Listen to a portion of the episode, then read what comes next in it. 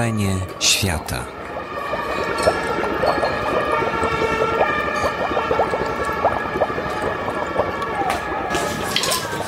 Dobry wieczór Państwu. Bardzo serdecznie witam w faktycznym Domu Kultury. To jest, e, to jest jedna z emanacji Fundacji Instytut Reportażu, która zajmuje się literaturą faktu. E, Po drugiej stronie ulicy Gałczyńskiego mamy księgarnię z kawiarnią Drzemie Świata, a tutaj taką salę spotkań, e, którą udało nam się przerobić z zaanektowanego sklepu z porcelaną. I uważam, że tutaj e, o wiele więcej osób teraz przychodzi niż do tego sklepu. E, Ale szanowni- słonia już nie ma. Słonia, słonia, słonia już nie ma, ale zawsze coś możemy wymyślić. Ale zapraszają. Po... E, tak, drodzy Państwo, Polska Ogórkowa, książka nowa Michała Ogórka, wydana przez Agorę. Witam serdecznie autora. Prowadzić spotkanie będzie pan Jan Grubel.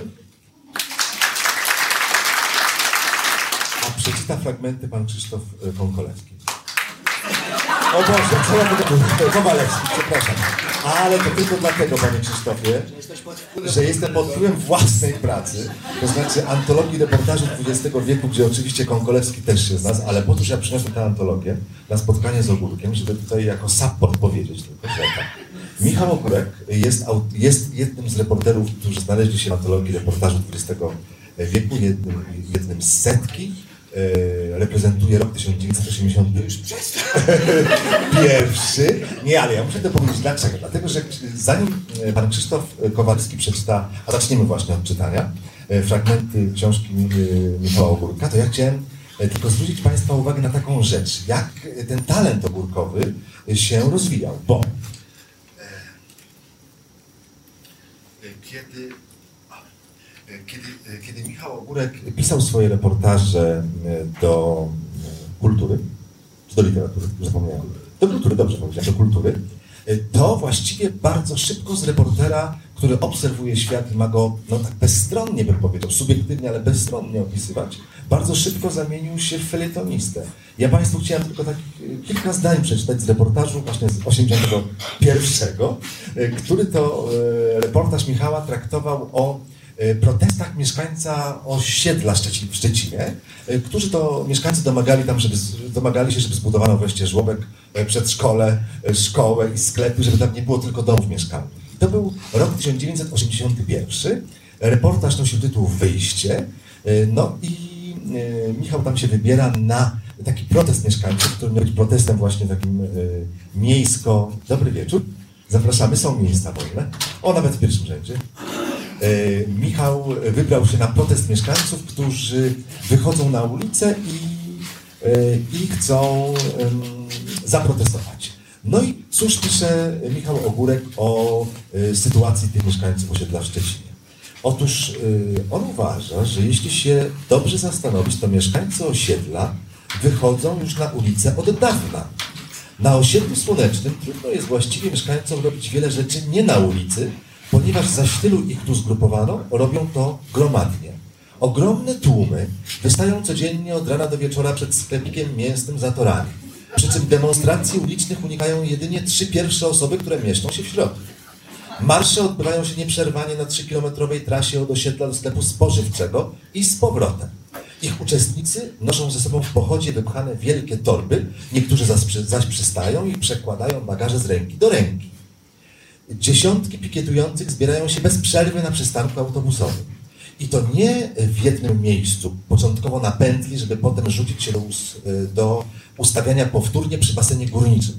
Żadnemu z mieszkańców nie wystarcza, że autobus podwozi go do basenu górniczego, ponieważ tam w istocie nic nie ma. Wszyscy od razu tworzą na ulicy następne zgromadzenie, czekając na tramwaj. No i tak y, felietonowo bym powiedział, i tak troszeczkę w stylu Kurta ironicznie, już wtedy Michał opisywał naszą rzeczywistość. Widać było, że y, no, szykuje się wielki felietonista, tak bym powiedział. Felietonista może być wielki, to nie pasuje, nie pasuje słowo wielki do felietonisty.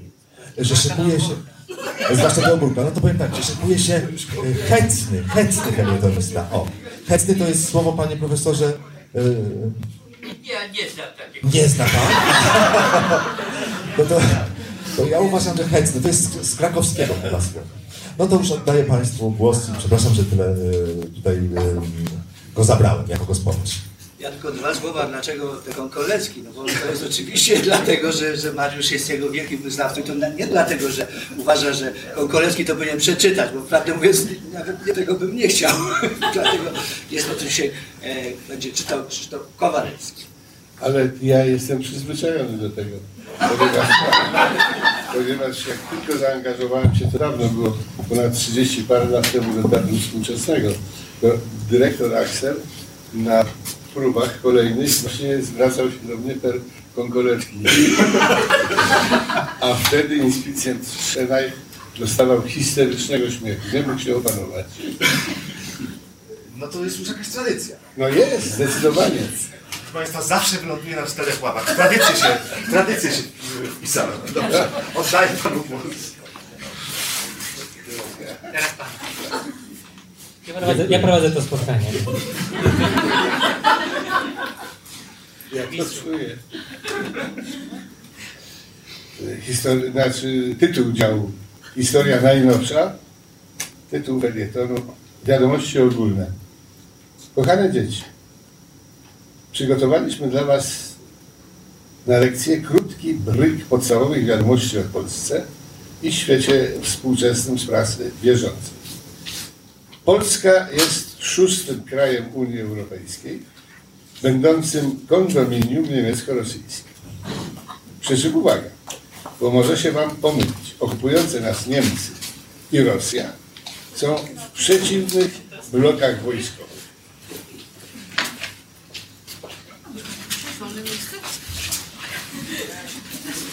Przerwę na, na chwilę, żeby Państwo nie stracili.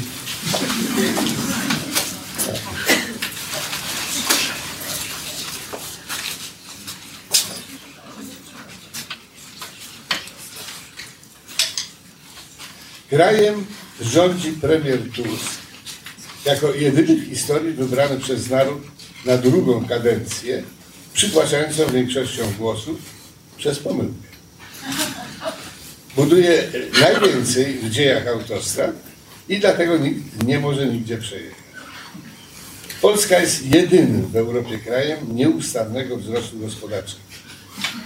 Gdyby pogrążeni w kryzysie Grecy mieli taką gospodarkę, to strajkowanie by już w nich trudno. Opozycja jest finansowana z budżetu państwa, którego nie uznaje. To znaczy państwa, nie budżetu. Rząd też jest finansowany z budżetu państwa, którego nie uznaje. To znaczy budżetu, nie państwa. Nie można nikogo skazać, bo śledztwa prowadzą jedynie sami cudzoziemcy. Rosjanie i profesor Binienda z. Uprzywilejowaną religią w Polsce jest katolicyzm, który jest prześladowany.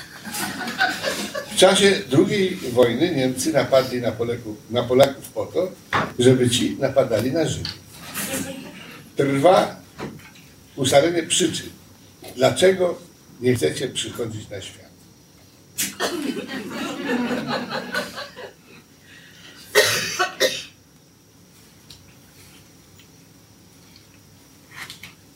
Krawiec przeszyła prądem.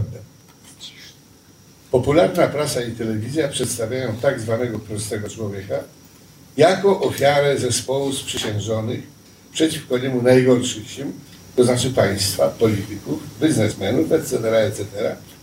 i rzucają mu się na, na ratunek. Ostatnio dziennik Fakt zaliczył do prześladowców uciemiężonych ludzi wysokie napięcie.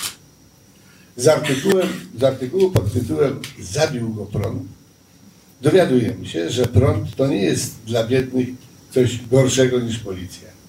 Nie daje im kraść. To, że z powodu wysokiego napięcia są pod wysokim napięciem, dziennik traktuje jako szykanę wobec mieszkańców pragnących je zdjąć. Chcieli udowodnić, że potrafią zdjąć kabel z kolejowej trakcji pod napięciem 3000 V. Pisze pełna podziwu dla śmiałków gazeta. Cięcie piłką przewodu pod zabójczym napięciem skończyło się śmiercią. Kto podłożył naszym bohaterom napięcie, fakt nie ustali. To jest istotny brak artykułu. Można się jednak domyślać, komu zależy na zabijaniu pokrzywdzonych. Zabijanie mieszkańców w wyniku cięcia przez nich kabla brzeszczotem to zaledwie fragment ich gehenny. Następnego dnia można się było spodziewać w fakcie artykułu opisującego następne szykany wobec nich w postaci pozbawienia ich połączenia kolejowego. Tu byśmy się pomylili. Represja ta dosięgła mieszkańców natychmiast, jeszcze tej samej nocy. Otóż towarzysz poległego chciał z rozpaczy rzucić się pod pociąg. Niestety, pociąg w tej sytuacji naturalnie nie przyjechał. Jakie jeszcze utrudnienia wymyślał pan dla mieszkańców, trudno sobie wyobrazić. Żeby z tak błahego powodu, że ktoś utnie kabel, spotykały się go od razu takie szykany, że nie ma się nawet po co potem rzucić.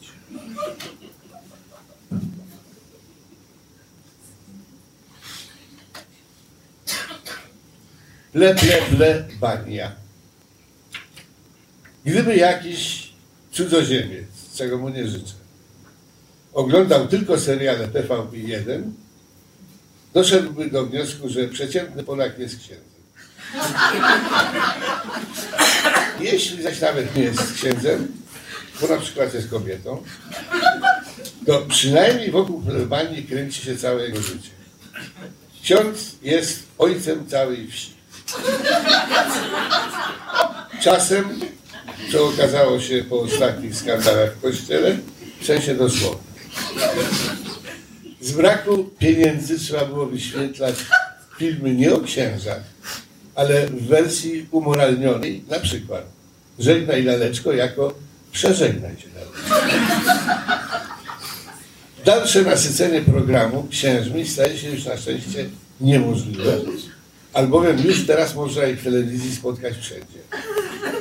Programie Słowo na niedzielę zobaczyć można było księdza siedzącego na drzewie i wygłaszającego nauki do siedzącej pod nim na dole wiernej, która zadzierając głowę chcąc nie chcąc, zaglądała mu pod sutannę. Kobieta ta wyraźnie popełniła grzech pierworodny. Z drzewa w Biblii kusi przeważnie Ewę tylko rajski wąż.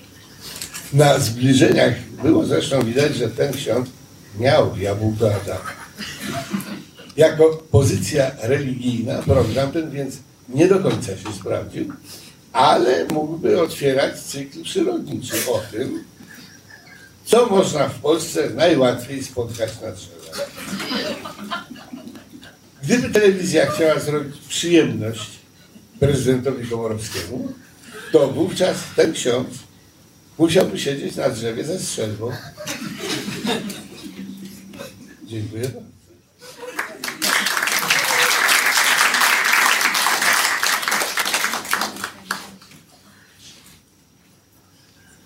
Ponieważ egzemplarz e, z dedykacją pana Krzysztofa został ukradziony na początku tego spotkania, teraz mój egzemplarz będzie miał dedykację do pana Krzysztofa i w ten sposób karma poprzedniego przestępstwa przejdzie dalej. Nie?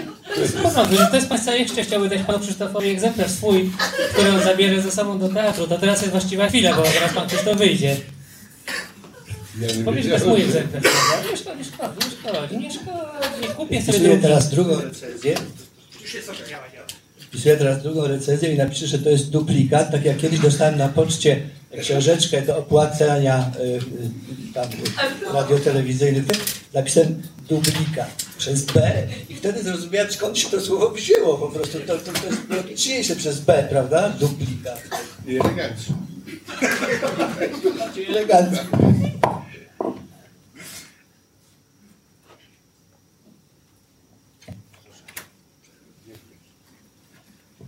Ponieważ pan Krzysztof dzisiaj gra w teatrze, myślę, że nie będziemy go już tutaj dłużej trzymać. Bardzo dziękuję, że, że przedłożył Hamlet, ogórka.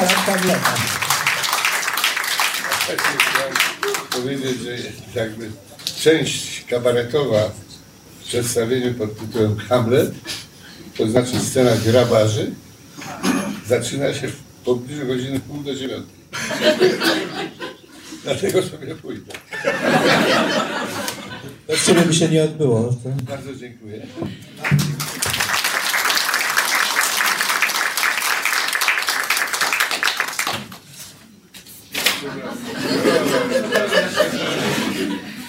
Ja pana odprowadzę. Dobrze, no. Skutek e, takiego, a nie innego splotu okoliczności zostałem jednak e, bez egzemplarza tej książki. Ale na szczęście obszerne fragmenty znam na pamięć, a ponadto To jest inna to jakaś inna książka, której, e, zwłaszcza, że obaj jej chyba nie znamy, moglibyśmy śmiało ze swadą po, opowiedzieć. E, No ale skoro tak się już złożyło, mm, ta książka jak książka, wiecie Państwo, książek jest bardzo dużo, nie ma o czym specjalnie mówić. Natomiast e, z jest tak, że ich nie ma wielu. E, W jakimś znaczeniu tego słowa przynajmniej. Więc ja bym chciał zapytać, mm, bo jak Państwo wiedzą, prowadzący spotkania z, mm, z autorami dzielą się mniej więcej na dwa rodzaje. Pierwszy rodzaj, ci, którzy mówią, dziś bohaterem spotkania jest autor książki, oddam mu głos. I drugi rodzaj prowadzących, dziś bohaterem spotkania jest e, autor książki, więc będę teraz mówił o sobie i o swoich doznaniach wynikłych z lektury i znajomości, bo znamy się od 79 roku, od pamiętnej plaży koło brzegu, albo coś Byłem wówczas tym i tym. Yy, Właśnie, byłem wtedy kałowcem w środków czasowym i bardzo przystojnym człowiekiem, co zresztą zostało mi po dziś dzień. Yy, yy, Michał wtedy miał 4 lata. O, o ile to był on, bo, bo pamiętam cię, jak miałeś takie kucyki, różowe wstążeczki, ale się zmieniłeś swoją, swoją drogą. Ale pomyślałem, że skoro jest ogórek i jego książka, ale książka jest często spotykana, yy, a ogórek nie aż tak często, to ja bym zadać po prostu takie pytanie mm, z, z głupie Franti, z nienacka i zarazem otwierające wszystkie drzwi, zwłaszcza u ludzi wrażliwych i inteligentnych. Dlaczego ta książka jest wesoła? Bo to jest dla mnie spore rozczarowanie. Otóż Michał Ogórek jest wesoły, przynajmniej za takiego uchodzi, pisze rzeczy wesołe, aż zawsze takie, które uznaje za, za wesołe. I teraz wydaje książkę też wesołą. Gdzie tu jest suspens, gdzie tu jest podzianka? Czy ty nie masz jakiejś warstwy sobie lirycznej, jakiejś głębi, y, której nie chciałbyś pokazać światła, ale ona tam jednak jest, pewnego y, takiej mrocz, mroczności nawet. y, y, Tego wszystkiego. Dotykasz tu najbardziej wrażliwej części mojego jestestwa, ponieważ ja zawsze mam oczywiście ochotę napisać coś super na poważnie, ale niestety nikt mi nie daje tego zrobić. Ponieważ ilekroć napiszę coś do redakcji, wydaje mi się tak naprawdę z głębi duszy e, poważnego, to zaraz dostaję telefon, a teraz maila właśnie częściej, e, że coś ci nie wyszło tym razem, bo to w ogóle nie jest śmieszne. Ja mówię, ale to właśnie takie miało być, no tak się mówi oczywiście, prawda, jeżeli, to, to wiadomo, tak się mówi. Więc ja już nawet nie próbuję, dlatego że wszelkie próby y, przemówienia poważnym głosem kończą się dla mnie tragicznie, bo ponieważ y, y, podejrzewają mnie o tym, ogórek się skończył, już nie potrafi nic napisać, prawda? Jest to dosyć stra- tragiczna fraza, która mi się śni tak, po nocach. czytaliście te smuty ogórka? Ale właśnie, nie no, bez przesady, no, nie robię tego za często, często czasami. Gdybyś przestał pisać wesoło, a zaczął poważnie i ludność przecież by tego nie zauważyła, to komentarz by był właśnie taki. Czytaliście te smuty ogórka? No A tak. gdyby ktoś inny napisał coś poważnego, to może by mówili, czytaliście? Znaczy ja w ogóle mam straszną e, traumę związaną z e, pojęciem satyryk, ponieważ strasznie nie lubię, jak się mnie tak określa, a no, nie ma właśnie innego określenia i muszę się na to godzić. Natomiast bardzo mnie to jakoś tak degraduje we własnych oczach takie podejście, bo teraz satyryk to raczej się kojarzy z jakimś kabareciarzem, kimś takim estradowcem, prawda? Tak powiedzmy nie najwyższych lotów kimś. E, Do tego Jacek Fedorowicz zawsze mnie ostrzegał, żeby nie, nigdy się nie przedstawiać jako satyryk. On właśnie tego nigdy nie robi, ponieważ no, jest to rzecz, y, która z człowieka od razu stawia w strasznej sytuacji, ponieważ wszyscy oczekują, że będzie wesoło i będzie śmiesznie, prawda? I to, to już, już po zabawie. To jeżeli się okaże mimochodem, że jest śmiesznie, to cudownie, ale nie można tego oczekiwać na, od, od, na początku. I to są rzeczy, które y, są najbardziej traumatyczne w tym zawodzie, jak również to, że osoby, które spotykają mnie w pociągu, na ulicy i w różnych sytuacjach, wszyscy opowiadają mi swoje dowcipy. Jakaś jest taka potrzeba w ludziach, żeby właśnie, znaczy na szczęście nie chcą ode mnie ich słyszeć, bo też sądzą, że tak już jak się skończył, to już nic takiego nie. Więc opowiadają mi swoje. I jak y, możecie Państwo się domyślić, nie są to dowcipy, które są bardzo śmieszne, albo czasem one nie są w ogóle śmieszne, ale y, naturalnie muszę jakoś zareagować, no bo byłoby niegrzecznie, gdyby y, powiedzieć, że to jest nie, nie wyszło ci panu tak, czy coś takiego. E, No i tak e, mogę powiedzieć, że jestem właściwie znawcą większości dowcipów w Polsce, które krążą po kraju i które są w większości zupełnie nie- niewesołe. może oznaczać, że zrobić taką antologię niewesołych wierszy, a ponieważ będzie podpisany Michał Ogórek, to ludność może uzna, że one są wesołe. Można by spróbować, ale... Aha, aha, aha. E, Copyright y, mój pomysł, więc 5% dla mnie. Ale jeżeli. Myślę, że będzie jakieś 5%, ale tam nic już z tego nie będzie. No właśnie, bo chciałem się zapytać, dlaczego masz taki ponury, y, taką, taką ponurą, ponurą opinię na temat Polski? Ponuro? Ponurą. Ja ja odbieram tę uważam- książkę jako taki rozrachunek, jako po prostu zamknięcie pewnego rozdziału w Polsce.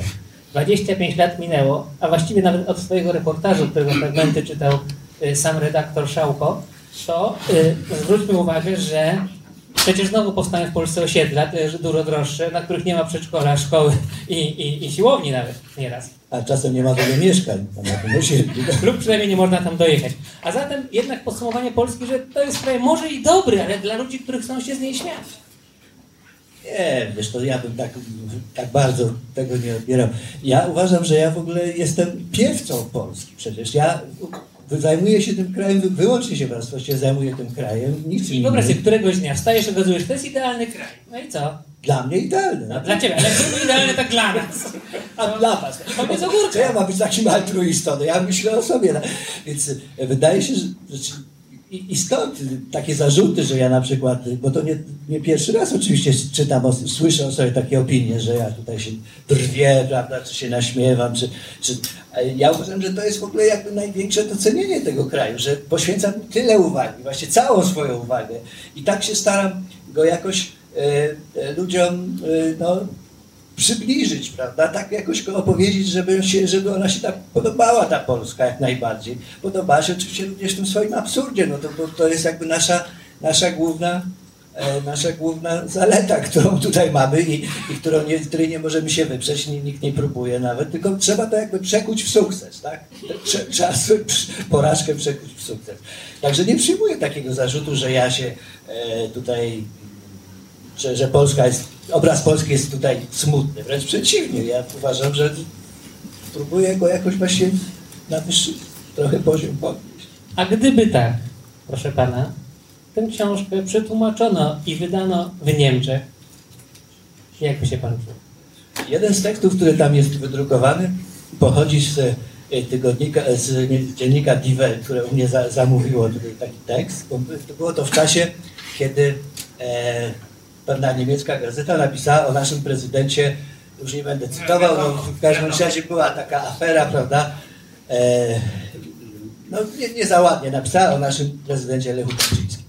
I e, to spowodowało, że e, wybuchła jakaś taka afera, polsko, polsko-niemiecka afera satyryczna. I Welt się zwróciło do mnie, żebym napisał, e, jak ja widzę Niemcy. Jeśli tylko pozwolisz, dodajmy, że to jest znana, nudna niemiecka gazeta. No może właśnie dlatego. Nie komentuję, po prostu informuję. Ale ja bym powiedział poważna niemiecka gazeta, prawda?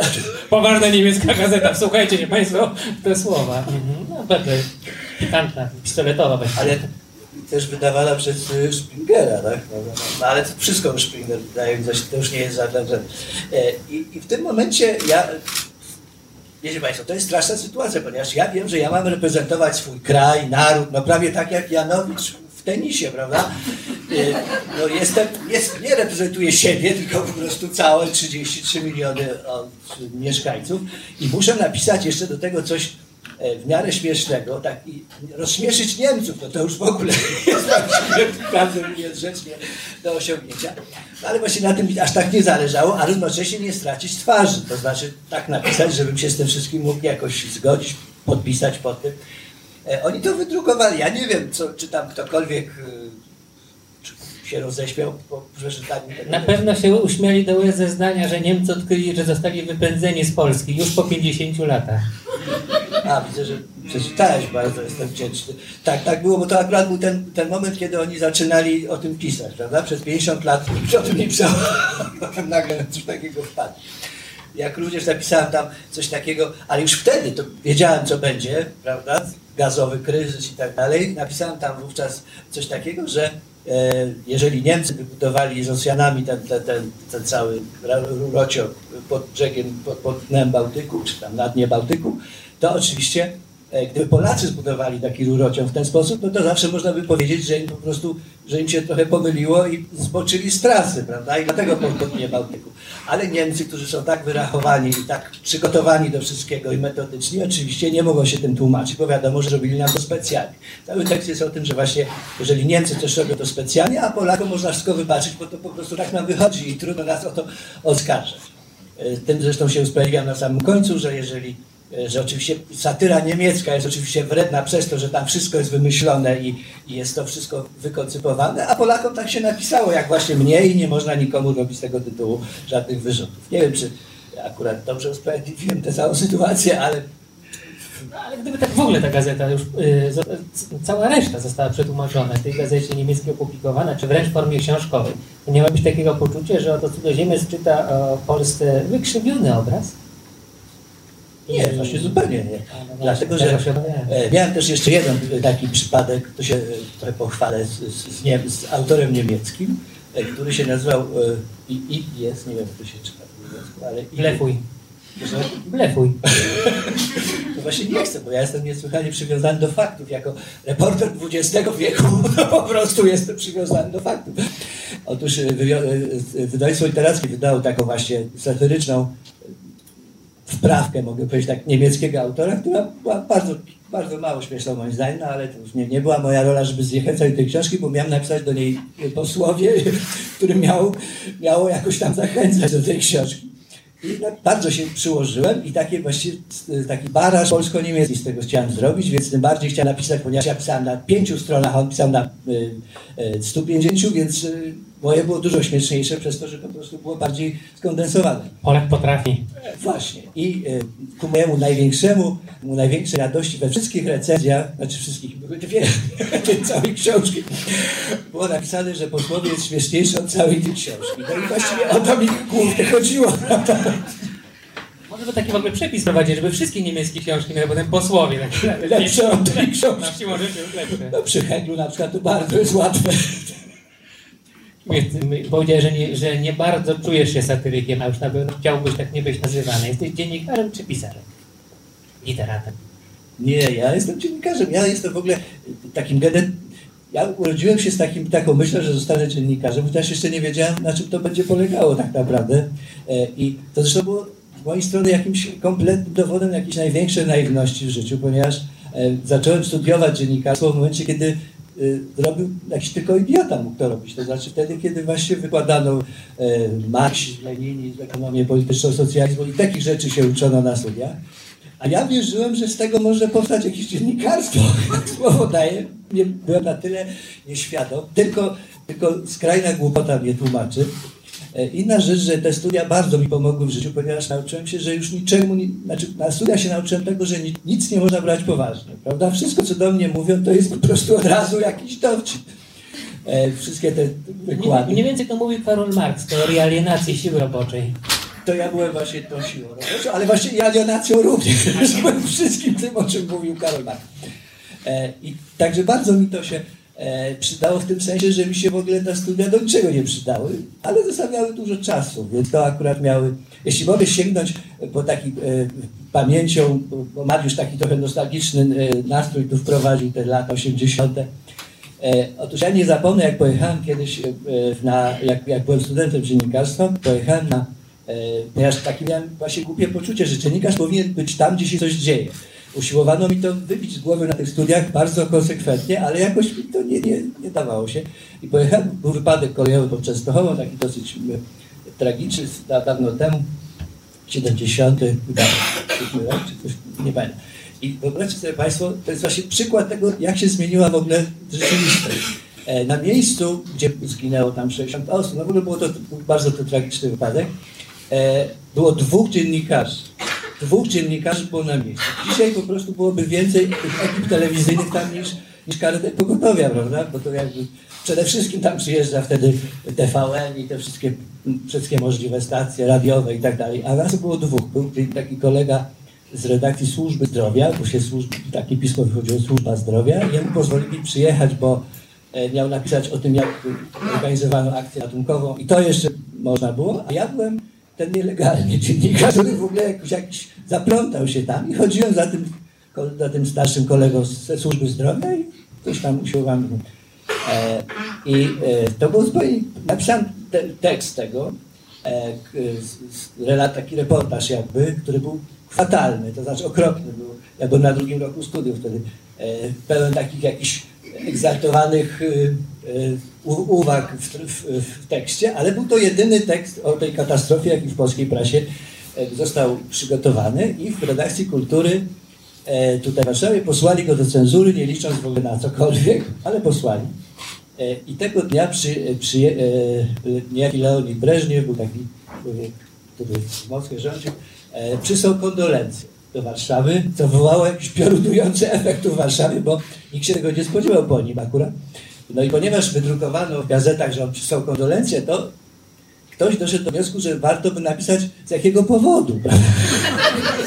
Ponieważ relacji z tej katastrofy była taka, taka papowska notka, że wydarzyła się katastrofa i tyle, tak? I cześć. E, I to otworzyło drzwi temu reportażowi, który oczywiście jest potwornie po- po- pociachany przez cenzurę, wszystkie drastyczniejsze fragmenty zostały wycięte, ale generalnie e, no jakoś tam poszedł, tak? E, I takie miałem wejście do tego zawodu. To znaczy był to jedyny reportaż, który się ukazał w całej polskiej prasie na temat katastrofy kolejowej. No dzisiaj dla dziennikarza by to była po prostu jakaś gwiazdka z nieba, prawda? Już, już nie ma takiej możliwości, żeby jakaś katastrofa była na wyłączność, czyjąkolwiek. To jest nie do pomyślenia. E, Więc ja byłem jakby takim beneficjentem trochę tych ówczesnych, ówczesnych, y, ówczesnej sytuacji. E, I mówię o tym dlatego w odpowiedzi na twoje... Słucham? W 82 roku zaraz pan Breżniew, to on, pan przewidział jego śmierć. A, W pewnym sensie o tym upadek, nie pomyślałem. upadek komunizmu. O tym akurat nie pomyślałem, ale ma pan rację. Tak, bo zaraz potem po roku i E. Ale odpowiedziałem y, to na twoje pytanie, dlaczego, czy jestem dziennikarzem, bo, bo ja się czuję naprawdę dziennikarzem i, i nawet jak właśnie nie wykonuję tego zawodu w tym sensie, że nie siedzę w redakcji, nie, nie, zbieram informacji, to, e, to tak całym jakby sercem jestem po, po stronie tego zawodu. Uważam, że to jest fantastyczny zawód, ale oczywiście dużo bardziej fantastyczny, jak ja zaczynałem pracować niż teraz. E, Jak ja właśnie trafiłem do redakcji kultury w 1979 roku, to proszę, to proszę sobie wyobrazić, że na takim, nie wiem, było 6, 6 metrów kwadratowych był taki pokoik. I tam siedzieli w tym pokoiku siedział Ryszard Kapuściński, Teresa Torańska, Janusz Głowacki, e, Maciej Wyszyński, Łokiejska, Strzymajka. No po prostu ja nie wiem, czy dzisiaj w całej Polsce znalazłoby się taka stawka autorów, czy by się znalazła.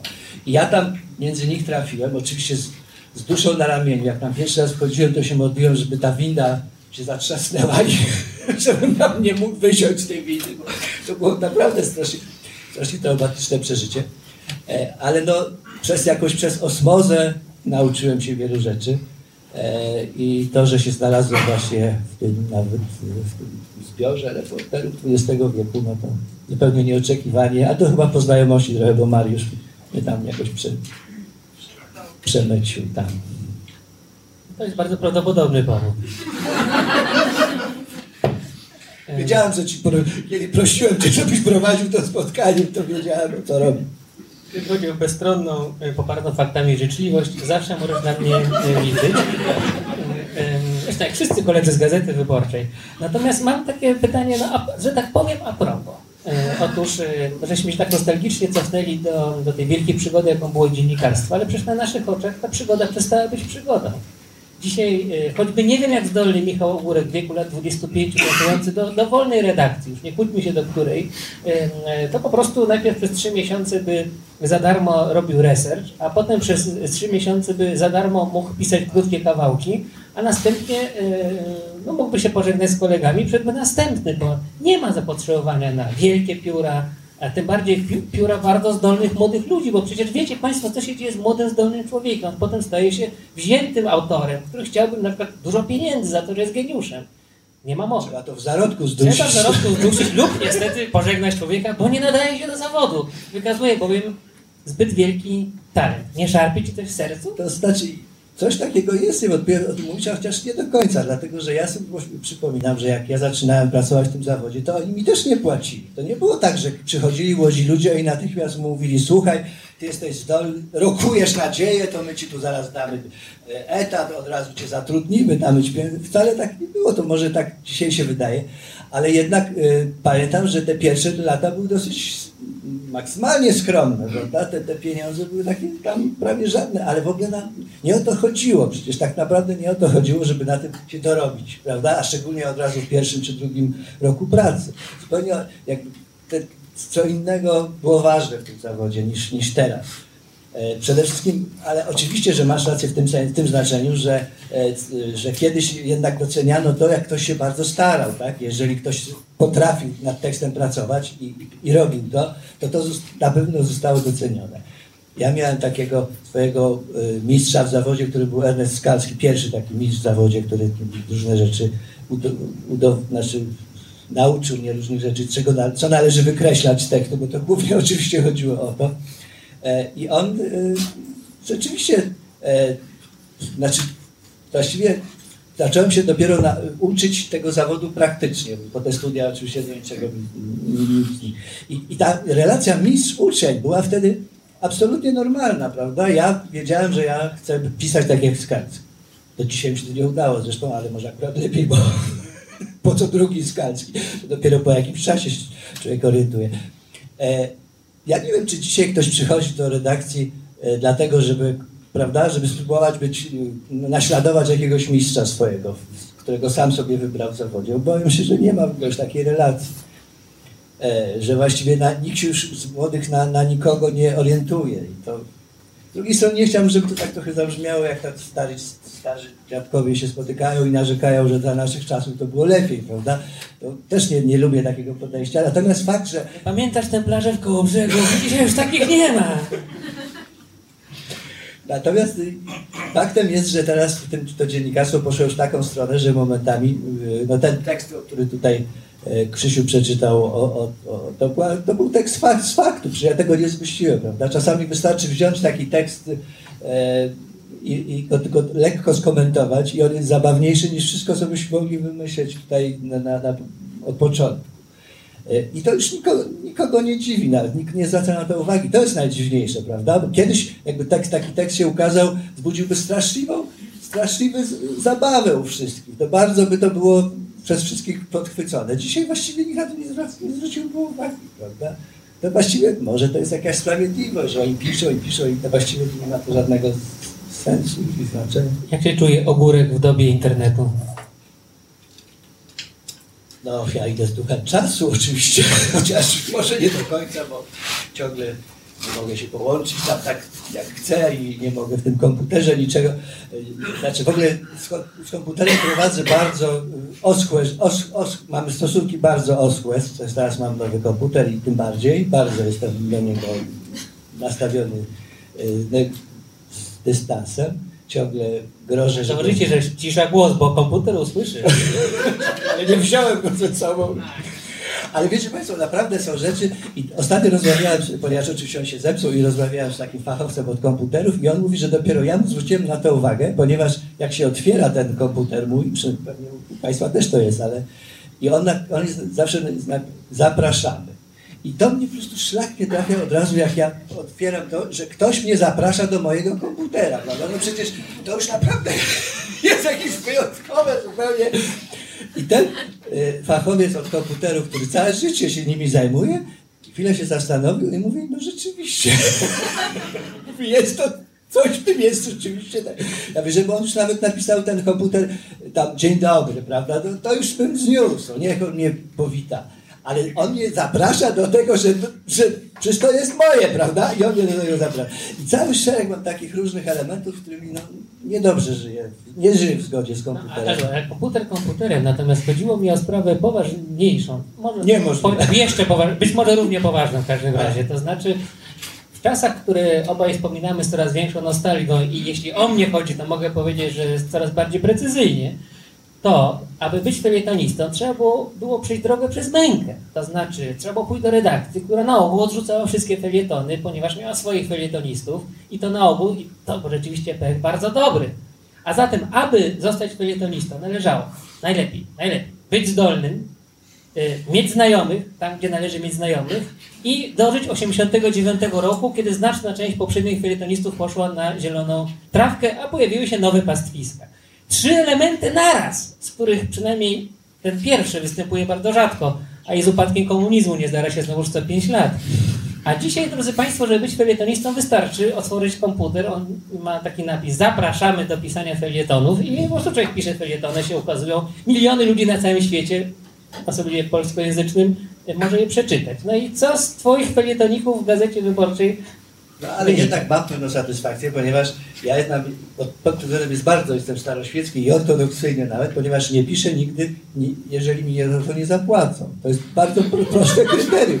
Uważam, że to jest cecha grafomana, który pisze, jeżeli mu nie za to nie płacą, prawda? I ci wszyscy autorzy, którzy w, tak chętnie w internecie piszą te swoje blogi i tak dalej, dosyć, są dla mnie dosyć przerażającym zjawiskiem, ponieważ oni piszą za darmo, prawda? To znaczy, znaczy, być może niektórzy mają jakąś na widoku coś takiego, że kiedyś będą na tym zarabiać, zdaje się, że tacy są, ale ja nie wróżę tutaj żadnego powodzenia, ponieważ za tekst trzeba zapłacić natychmiast, prawda? A najlepiej w ogóle z góry. Oczywiście brzmi to dosyć pewnie cynicznie i źle w moich ustach, ale, ale myślę, znaczy, no myślę, że jest to kryterium dosyć istotne, prawda? Jeżeli dziennik czy felietonista już ograniczymy się do, tej- do tej grupy specyficznej zawodowej, jest jak szef, który robi buty, że ktoś przyjdzie i zamówi u niego te buty, prawda? Nie robi się butów tak w ogóle. Dla, tak jakby abstrakcyjnie zrobię teraz buty. No jeżeli nie mam robić ich dla kogo, to ich nie robię, bo po prostu mija się to w ogóle z celem i nie ma sensu. Więc ja też te buty robię na zamówienie. Jeżeli ktoś obstaluje, tak, to ja to wykonuję. Natomiast nie robię butów takich abstrakcyjnych. E, Natomiast czasem, bardzo często mi się wydaje, że ci, ci autorzy, którzy właśnie tak, w takich straszliwych ilościach, zupełnie nieopętanych ilościach publikują swoje e, e, rzeczy w internecie, w tych, tych, na tych prywatnych różnych swoich mm, kontach. Właściwie nawet ten Twitter przecież też jest rodzajem takiego felietonu, prawda? Bo to ma wprawdzie bardzo krótkiego, ale jest to przecież, oczywiście źle powiedziałem, jest, powinien być rodzajem felietonu, bo tak naprawdę by się czytało te Twittery tylko gdyby one miały taką formę felietonu, na część te, które nie mają są no, jakiś bez sensu, znaczy, nie mają w ogóle żadnego znaczenia. E, na, także nie, nie, nie powiem, że, nie ma, nie, że to nie jest konkurencja dla felietonistów. Oczywiście jest olbrzymia względu głównie na e, czas, na to, że oni natychmiast reagują na to. Ja dzisiaj mogę napisać tekst jutro do gazety, na jutro do gazety, który już będzie stary, prawda? Ponieważ dzisiaj się ukażą już ileś tam tych komentarzy, tych memów internetowych i, i, i e, internet już całą tę sprawę będzie miał załatwioną, a jutro już będzie miał kolejną, prawda? Już w ogóle nikt nie będzie wracał do tego, co jest, co było. Stąd ta książka jest takim trochę eksperymentem, co do którego miałem sam duże wątpliwości, ale wydawnictwo Agora, które jest bogate, postanowiło jednak wydać taki, taką książkę. Otóż, e, ponieważ no, to są rzeczy pozbierane z, z, z, sprzed kilku lat. E, czas tej chwili biegnie tak szybko, że coś, co się działo 5 lat temu, wydaje się to w ogóle jakaś prehistoria już, prawda? Że w ogóle. E, ale mimo to wydaje się, że to po, znaczy poczucie, że to wszystko jest takie dojutrkowe, że to wszystko właściwie jest takie, powie, takie tylko na chwilę, że jutro już będą następne, jest dla, dla, dla mnie jest okropne. Mam nadzieję, że dla czytelnika też i dla tych czytelników to wydać, wydaliśmy tę książeczkę, żeby jakby zatrzymać trochę ten czas, prawda? Że naprawdę, żeby można było się się przypomnieć, jak to wszystko wyglądało i że to nie, to nie znaczy, że coś, co nie jest super aktualne, już nie ma żadnego znaczenia. Bo teraz coś takiego się dzieje w ogóle i, w, i w polityce, i w kulturze nawet, prawda? Jeżeli jest, y, y, jest film jakiś, to on jest ważny przez dwa miesiące i natychmiast idzie do wyrzucenia. Zwróćcie Państwo uwagę, nikt nie wróci do filmu, który, który ma już rok. Jeżeli wydaje się książkę, to ona jest ważna przez kilka tygodni i to dobrze, jeśli jest ważna. Nie ma żadnych wznowień, nikt tego nie, nie, nie wznowi y, po, po jakimś czasie, bo już nie ma chętnych, żeby to przeczytać. To jakby wszystko jest takie bieżące, tylko takie na dzisiaj. Więc jest to duży eksperyment, na ile to się, to można zatrzymać. No. Z wypowiedzi, z, z wypowiedzi z jednego z pracowników wielkiej sieci dystrybuującej książki, która książka jest najlepsza w Pana ofercie? Świeża. Ponieważ byłeś blisko wypowiedzenia przysłowia o szewcu, który bez butów chodzi, Ja myślę, że to jest dobry moment, żeby profesor Jerzy Beralczyk przeczytał twój e, udany fragment e, powieści Przysłowie ludowe. Panie profesorze, proszę nie... Przepraszam, ale profesor bardzo należał, żeby mógł coś przeczytać. Ale może chciałbym przeczytać co ta zgubna tendencja do mówienia a propos zmusiła pana Wróbla, żeby odnieść do mnie przysłowie o szewcu, który chodzi bez butów. Nie bardzo rozumiem sensowność tego porównania. Czy to znaczy, że ja nie znam polskiego? Pewnie to miał pan na myśli, ale też być może nie chciał pan, żebym powiedział to głośno i właśnie dlatego to powiedziałem. Jeżeli oczywiście Państwa to interesuje. Jeżeli nie, to też. To nie jest prawda, że felietony się starzeją. Z wielką uciechą czytam wciąż kroniki Prusa, mm, felietony Słonimskiego z wiadomości literackich, późniejsze PRL-owskie, wspaniałe felietony Teplica czy, czy mm, Kisiela. Okulary mam tutaj w tej, w tej marynarce, zapomniałem. W jakiej zostawię? Tak mówię jeszcze trochę, ale zaraz przeczytam Państwu o przysłowiach. Tak Pan chciał, żebym o przysłowiach przeczytał, tak? Dobrze, przysłowia ludowe. Pan może wszystko przeczytać, panie profesorze. Właśnie nawet przeczytałem wszystko. A teraz mam czytać głośno. Przysłowia ludowe, baba z wozu. Dowód dyskryminacji kobiet propagujący fałszywe wzorce zachowań, dające jasne wskazówki, kogo z wozu należy wyrzucić w pierwszej kolejności. Wyeliminowanie przysłowia na drodze prawnej jest jednak trudne, bo Trybunał Konstytucyjny musiałby uznać, że mądrości narodu, jakimi są przysłowia, mogą być szkodliwe. Dlatego nie należy się spodziewać rozstrzygnięcia wcześniej niż przed babim latem. Przyszła koza do woza. Mówi o tym, że już każde, nawet najmarniejsze stworzenie do jakiegoś tam wozu w życiu jednak w końcu dojdzie. To, że koza przychodzi w końcu do jakiegoś woza, nie jest dla nim jakimś wielkim osiągnięciem, zważywszy, że już w dawnych czasach w wozach siadano na koźle. Jakie to jednak są wozy, mówi przysłowie raz na wozie, raz pod wozem. Na każdego kierowcę, na każdy okres spędzony za kierownicą przypada następnie okres spędzony pod wozem. O tym jest też przysłowie wóz albo przewóz. Mówiące, że nie ma już wozu, jeśli się nim coś przewiezie. Jeśli Państwo pozwolą, to ja jeszcze przeczytam najpiękniejsze polskie słowa, bo przysłowia y, są zaledwie przysłowiami, a co słowo, to słowo. Najpiękniej, za najpiękniejsze polskie słowa pan Michał Ogórek uznał następujące. Pan, pani. W Europie Wschodniej od każdego, do każdego Polaka mówi się panie albo pane.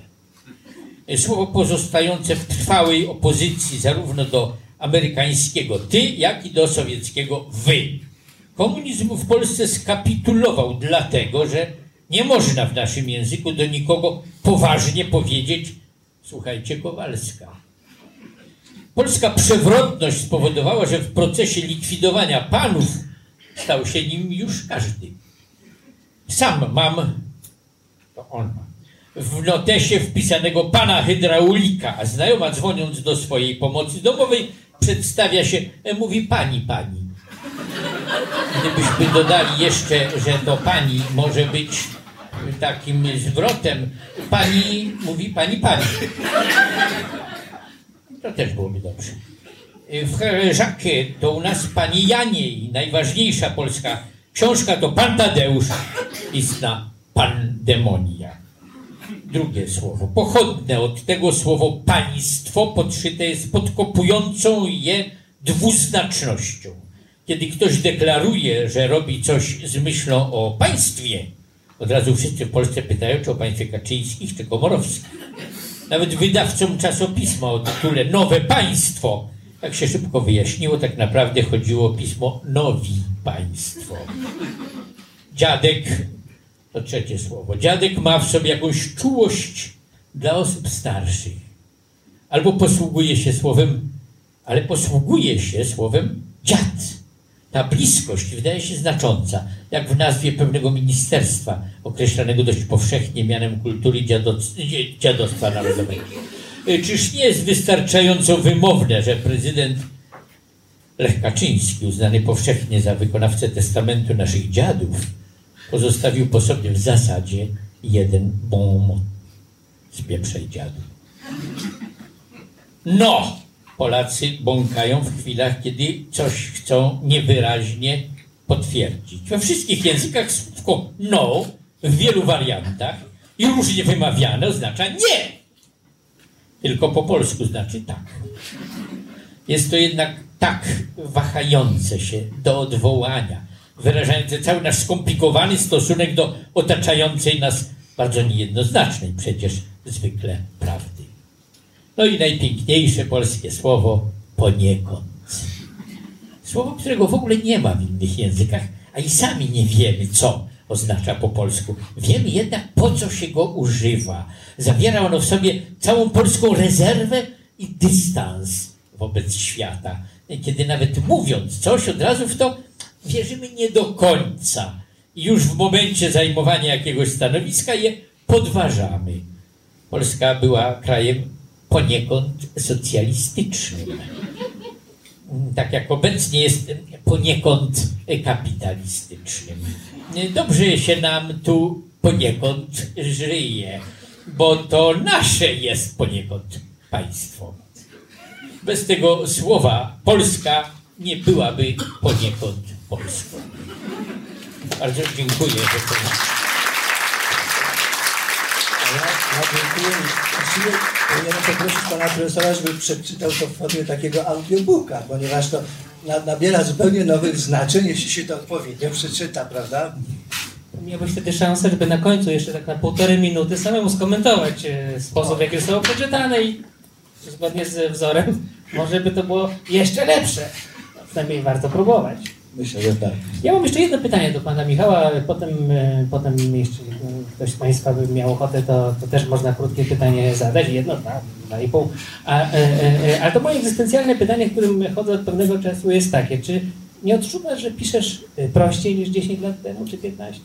Że tych skojarzeń słownych, tego, tych pereł zmieszanych z diamentami i to wszystko na plaży w koło brzegu gubisz, dlatego że po prostu ludzie już poza oczywiście nami, ludźmi, którzy pamiętają jeszcze mm, nie tylko Kołobrzeg, ale może i Kolberg, już się tak nie ceni tego skomplikowanego języka polskiego, który jest pozornie skomplikowany, ale w istocie rzeczy piękny i, jak ta matrioszka jedno w drugim, drugie w szóstym, szóste w piętnastym jest pochowany. W w dobrym liceum, w którym mam przyjemność uczyć historii, wczoraj natknąłem się na taką rafę, że, że moja 20-osobowa grupa nie rozszyfrowała słowa hardy. Mhm. I mógłbym takich anegdot przytoczyć 150, ale y, no, chciałbym, żeby y, Państwo wysyłali dzieci do tej szkoły, więc nie sądzę, żeby problem był w szkole. Chodzi o to, że polszczyzna się po prostu uprościła, nie tylko rozmiarowo, ale i jakościowo. No i czy autor jest y, taki zupełnie odporny na duch czasów. I, I tak i nie, bo oczywiście, że, że są pewne rzeczy, obszary językowe, głównie językowe, ale nie tylko, w ogóle e, nazwijmy to całe e- erudycyjne, tak? Pewne, pewne, pewne za- zaplecze erudycyjne, które już w tej chwili jest coraz słabsze i nie ma tego odzewu. Tak? Pan Tadeusz Nie wiadomo, tak? Cisza. Zapada. No więc y, naturalnie, że tak jest. Ale z drugiej strony otwierają się inne pola. To dla satyryka akurat tu nie ma znaczenia specjalnie, czy będziemy się śmiali z takiej y, naukowej, y, naukowego języka, którego na przykład ja jeszcze sobie bardzo chętnie robiłem sobie żarty z- w latach 70., kiedy to pisało się prace naukowe takim potwornym językiem, prawda, z którego nic nie wynikało, ale dzisiaj mamy inną taką nową mowę, która e, posługuje się jakimiś ang- anglicyzmami, czy, czy jakimiś dosłownymi przekładami z angielskiego, które są równie koślawe, równie, równie zabawne, śmieszne bywają.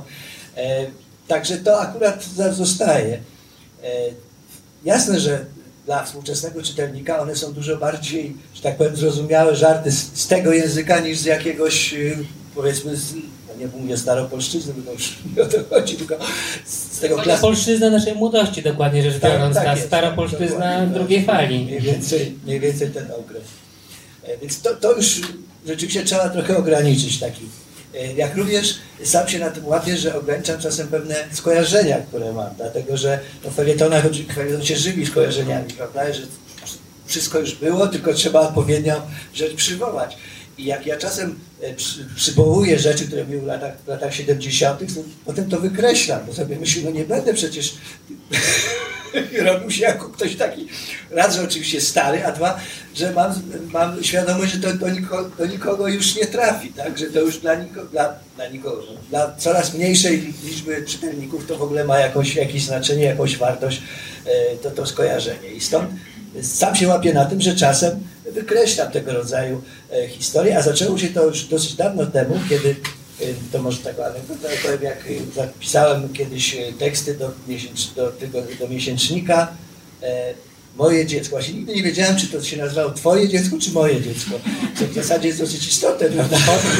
Twoje dziecko. Tak. Ale właśnie nigdy nie byłem w stanie tego ustalić dokładnie. I tak wymiennie napisałem Twoje dziecko, moje dziecko. E, I to były takie felietony, co miesięcznik to był, gdzie się właśnie dla mężczyzny to jest dosyć istotne, prawda? Twoje dziecko, moje dziecko. E, Ale jednak masz jakąś sobie warstwę, widzisz, taką liryczną? Czyli niepewności, czy istnieje świat, po co to w ogóle wszystko? Uważasz to za lirycz, to proszę bardzo. No w każdym razie tam e, raz właśnie wówczas, ponieważ e, taka bardzo miłe panie wydawały to pismo i poprosiły mnie, żebym pisał właśnie takie trochę, jak, jak mój syn Kuba był jeszcze mały, więc tak trochę jakby trochę doświadczyć z dziećmi. I raz tam pamiętam, że napisałem coś, już, już teraz nie, nie powtórzę w jakim kontekście, ale padło nazwisko Stalina. Oczywiście było to raczej nie, nie straszyłem tam zbrodniami stalinowskimi, ani takiego, ale samo nazwisko.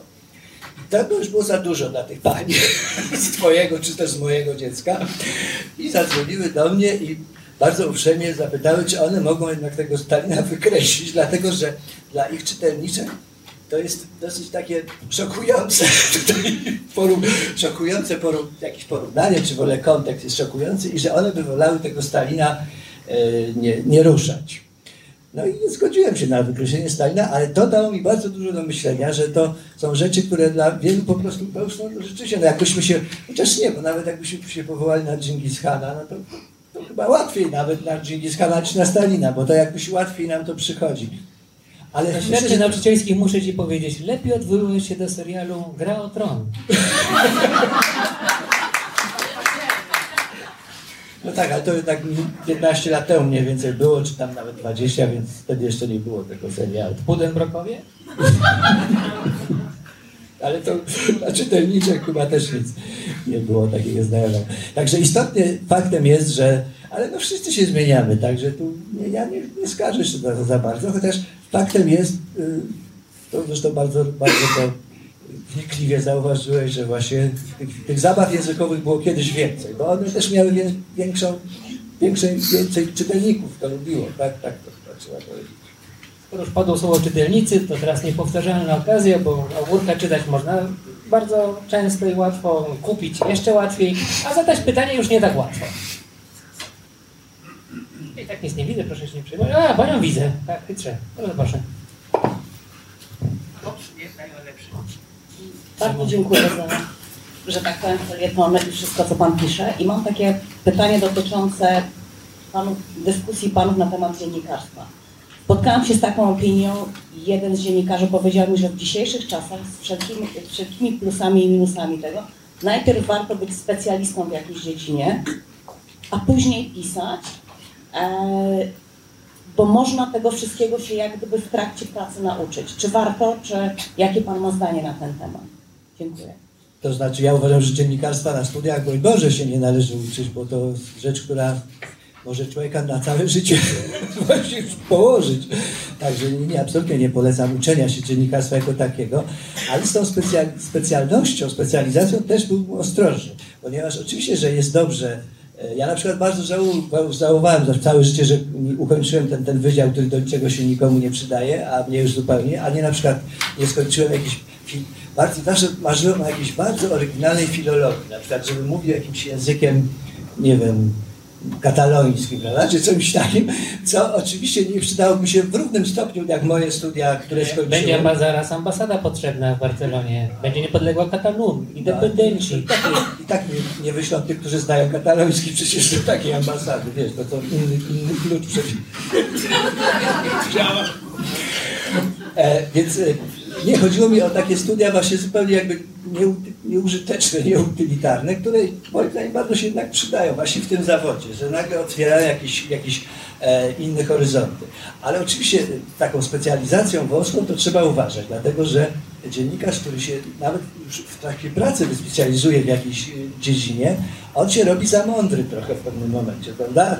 Jednak dziennikarz musi pisać na takim poziomie, żeby wszyscy czytelnicy go jakoś rozumieli łatwo było nawiązać kontakt. Jeżeli ktoś pisze całe życie nie wiem, o służbę zdrowia, prawda, no to on już po 20 latach tego pisania o tej służbie zdrowia wie wszystko właściwie, no bo przecież napisał taką takiej ilości.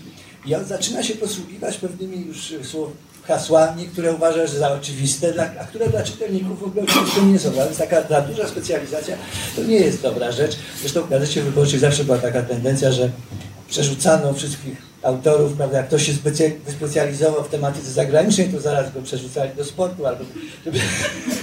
Nie wiem, czy to była ta przyczyna, ale w każdym razie taka mniej więcej taka była e, praktyka. A to ciekawe, gdzie ciebie przerzucą, nie? No więc właśnie, nie to już tylko... Sport, bo sport się bardzo rozrasta. Mi się wydaje, że na sporcie się znać jest bardzo dobrze. Może, e, ale może, może, może. Oprócz- Ale może sportowców. profesjonalnie się jeszcze można znać. e, To też jest bardzo ważne. Y, Poniekąd rzeczywiście znamy się wszyscy. No bo jest jakieś pytanie? A bo jeszcze nie zauważyłeś, ale dzisiaj jest popularne mówienie nie samo no, ale no bo. No bo jest jeden z największych wrogów języka polskiego. Taka, to jest taka moczarka kanadyjska. nie? A to blisko to niebo. Y, No bo nie, bo blisko, ale daleko. Proszę Państwa, y, być może ostatnie pytanie. Bo wiecie Państwo, że czego to ja mogę zadać 15, także nie należy mnie prowokować. Y, Michał też może zadać sobie sam pytanie, przecież na pewno nosisz w sercu jakieś pytanie do siebie, którego nikt Ci nigdy nie zadaje. Czytałem wywiad z, z panem w sobotniej gazecie akurat. Powiedział pan, że, jest pan z Górnego Śląska, prawda? A czy coś po śląsku w ogóle pan pisze ewentualnie? Nie piszę, dlatego że nie bardzo potrafię.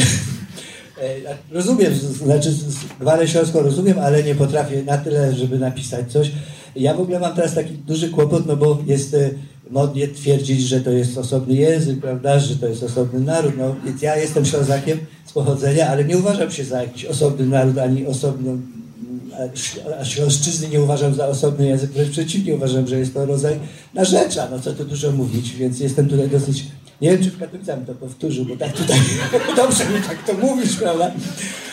Ale y, stąd mam taki pewien problem z tym y, i mam wrażenie, że ta śląszczyzna literacko się sprawdza dosyć średnio. To znaczy, wspaniały jest śląski autor, jedyny taki wspaniały śląski autor, którego znam, to się nazywa Janosz i on pisał po niemiecku akurat, ale w tłumaczeniu na przykład, to jest autor głównie dla dzieci, przepiękne takie opowieści, e, jak cudowna jest Panama, takie dla, dla, które zrobiły karierę na całym świecie. I moim zdaniem jest to bardzo również śląskie i polskie w jakiś tam sposób, to co on napisał, ale jest po niemiecku i to trzeba było przetłumaczyć. I on też, ten Janusz, napisał taką książkę, taką powieść o Śląsku, która jest zresztą bardzo wysoko oceniana. Mnie ona dosyć holonek się nazywa, jak mówi profesor Bralczyk, alkoholonek, bo ten Janusz był dosyć sensie trunkowym autorem. E, ten holonek mi się za bardzo też nie, nie, nie, jakoś nie zdobył wiele mojej sympatii, y, ale najśmieszniejsze jest to, to że on, to jest książka również napisana po niemiecku, pomimo, że ona jest o, o Śląsku i, i tam jest dużo takich jakby polskich realiów, ale jest napisana po niemiecku i została ona przełożona na polski, literacką polszczyznę, co oczywiście jest kolejnym jakimś absurdem, prawda? No bo, bo, bo jest e, wystawiona w teatrze, zresztą w Katowicach, to się y, cieszyło dużą popularnością, ale mówili tam literacką polszczyzną, co już jest jakimś kolejnym etapem fałszu tej całej, tego przekładania tego wszystkiego. Także ja mam, tutaj mam dosyć duży kłopot z tym. Jest jeden felieton o, Ślą, o, Śląsk, o Śląszczyźnie tutaj w tym, ale oczywiście prawdziwi Ślązacy powiedzieli, że to w ogóle nie, to, to nic się nie zgadza. W ogóle z tego, co ja napisałem, to się w ogóle nic nie zgadza. No tak, drodzy Państwo, zaczęliśmy od plaży w Kołobrzegu, a kończymy na Niemczech. Przypadek? Nie sądzę. Czas chyba na oklaski dla autora. Bardzo dziękuję.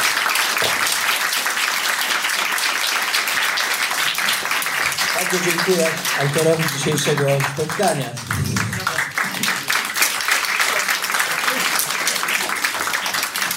Na moim miejscu każdy zachowałby się tak samo. Myślę, że to jest dobra, istotne. Dziękuję Państwu bardzo. Fundacja Instytut Reportażu zaprasza do swojej księgarni z literaturą faktu i kawą w Żenie Świata na ulicy Gałczyńskiego 7 w Warszawie. Wejście przez bramy Nowy Świat 48 i Nowy Świat 52.